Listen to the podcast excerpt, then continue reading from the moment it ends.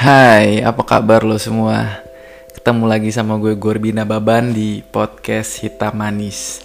Jadi, ini podcast pertama gue di tahun 2020. Memang gue agak lama gitu upload podcastnya. Uh, jadi gue kalau upload itu kalau memang ada sesuatu yang pengen gue omongin gitu. Nantinya akan mencoba untuk rutin. Gue sendiri lupa kapan terakhir 2019 gue bikin podcastnya. Nah, hmm, di awal tahun ini masih awal tahun lah ya di 2020 Februari. Hmm, gue bikin podcast ini tanggal 12. Nah, biasanya tuh di awal tahun itu ada dua jenis orang. Orang yang pertama itu orang yang sudah mempersiapkan gitu dirinya dengan perencanaan-perencanaan untuk uh, mempersiapkan dia untuk menjalani tahun ini gitu, menjalani tahun yang akan datang, tahun yang sedang dia jalani sekarang lah gitu.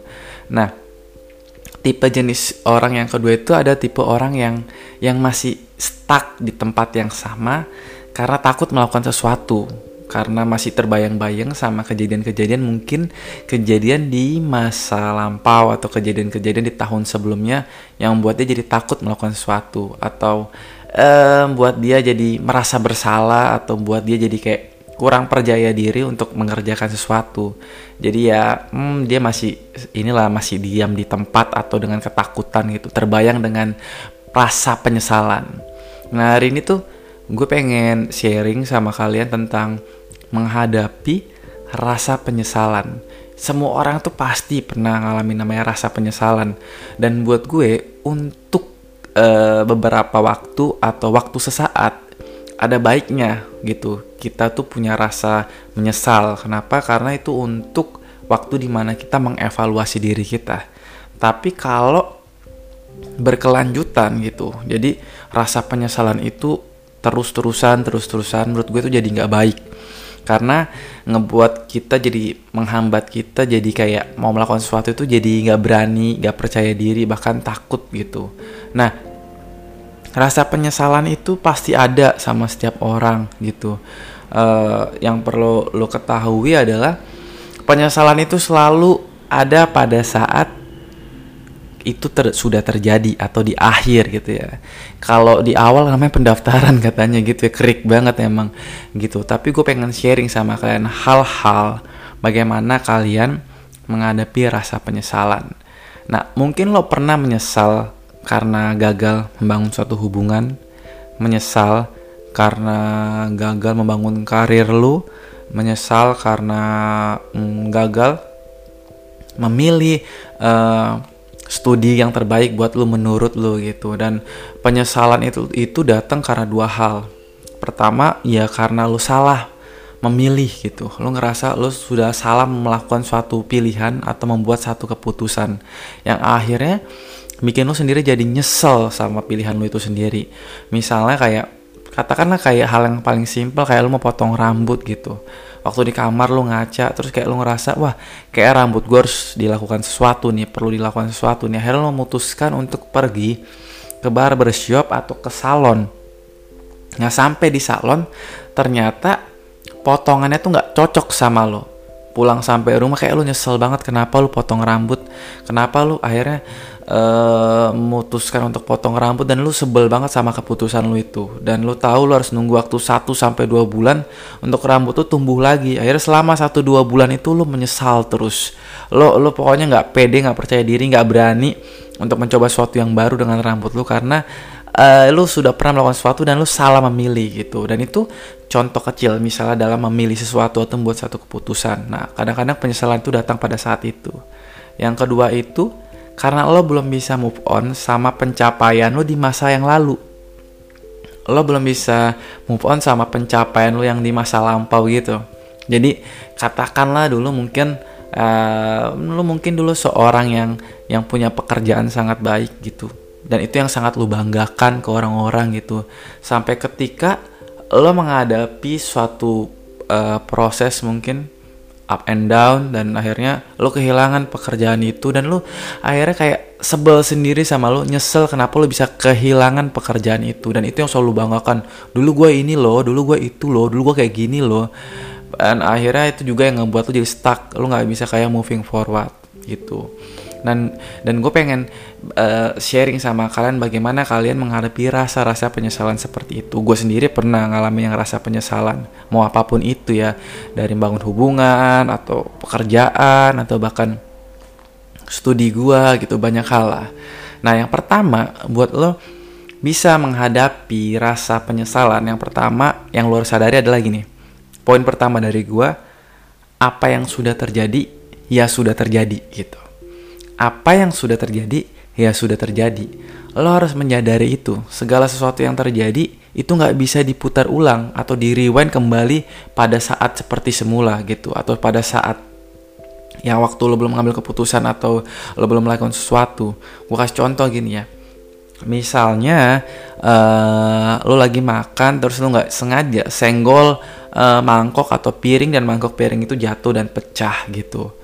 Dan ternyata mangkok atau piring itu adalah barang kesayangan ibu lu gitu. Dan lu nggak bisa tuh putar waktu supaya kembali ke waktu pada saat piring atau mangkok itu utuh gitu. Nah lu nggak bisa. Sesuatu yang harus lu sadari dan lu pahami adalah mengenai waktu. Waktu itu terus berjalan ke depan, tidak mundur ke belakang. Jadi, lu pun harus sadar apa yang sudah terjadi, ya sudah terjadi. Sekarang yang lu pikirkan adalah bagaimana memperbaiki segala sesuatu yang sudah terjadi. Mungkin kuliah lu berantakan. Ya udah, yang udah terjadi ya sudah terjadi.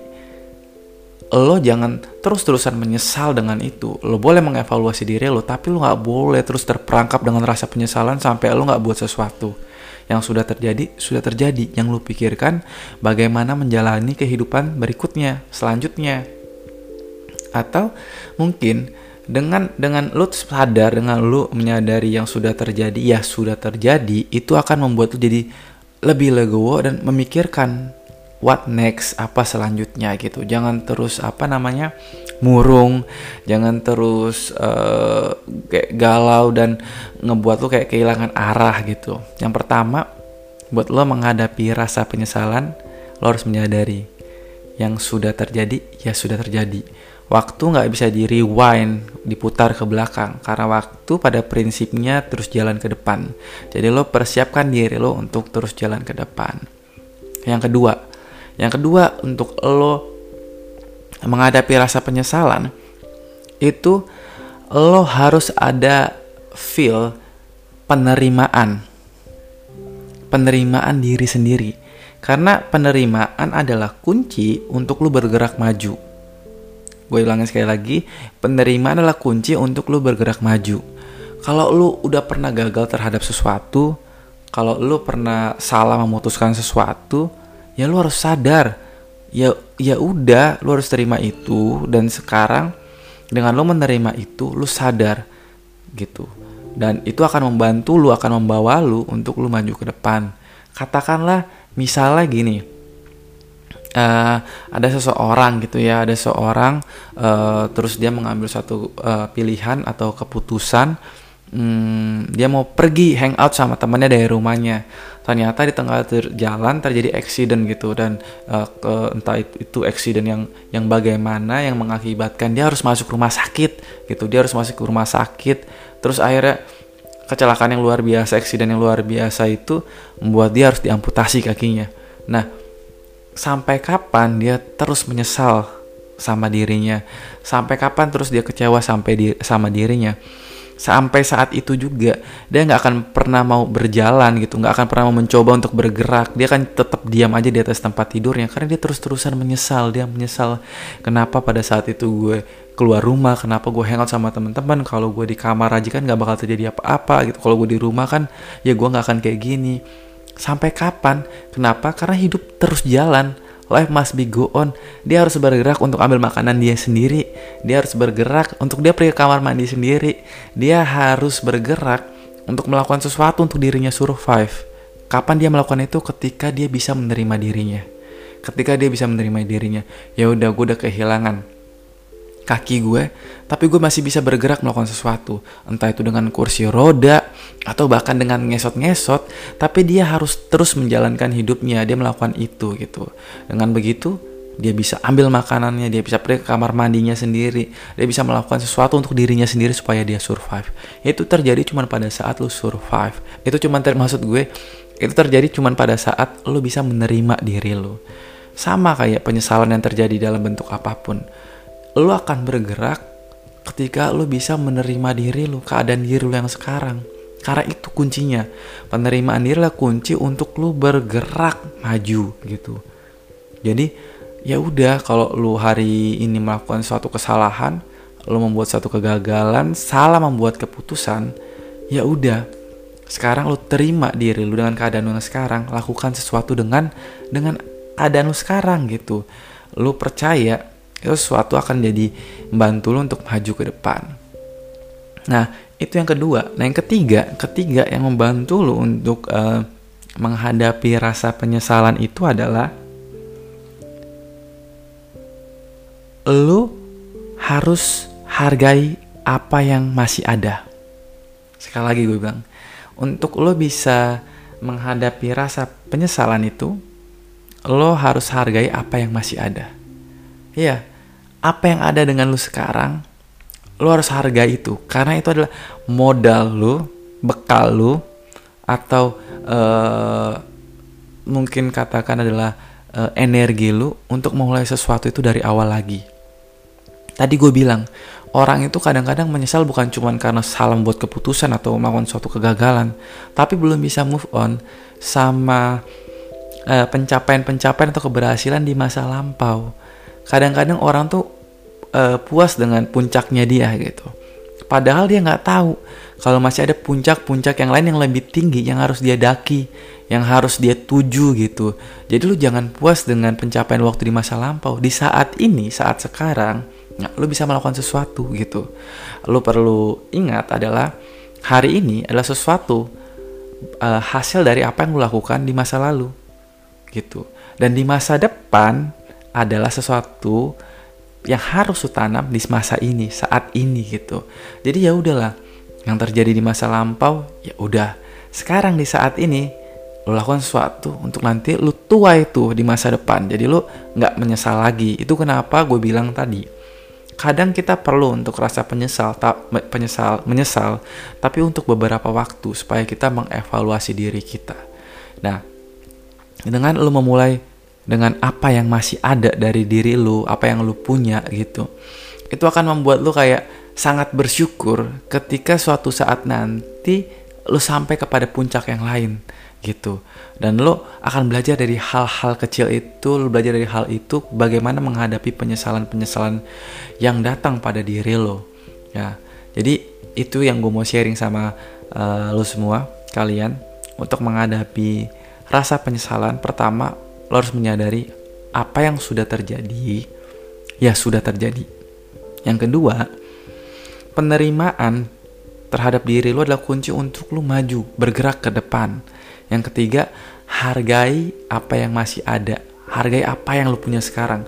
Karena itu modal buat lu, karena itu bekal buat lu saat lu melakukan hal-hal yang jauh di depan sana.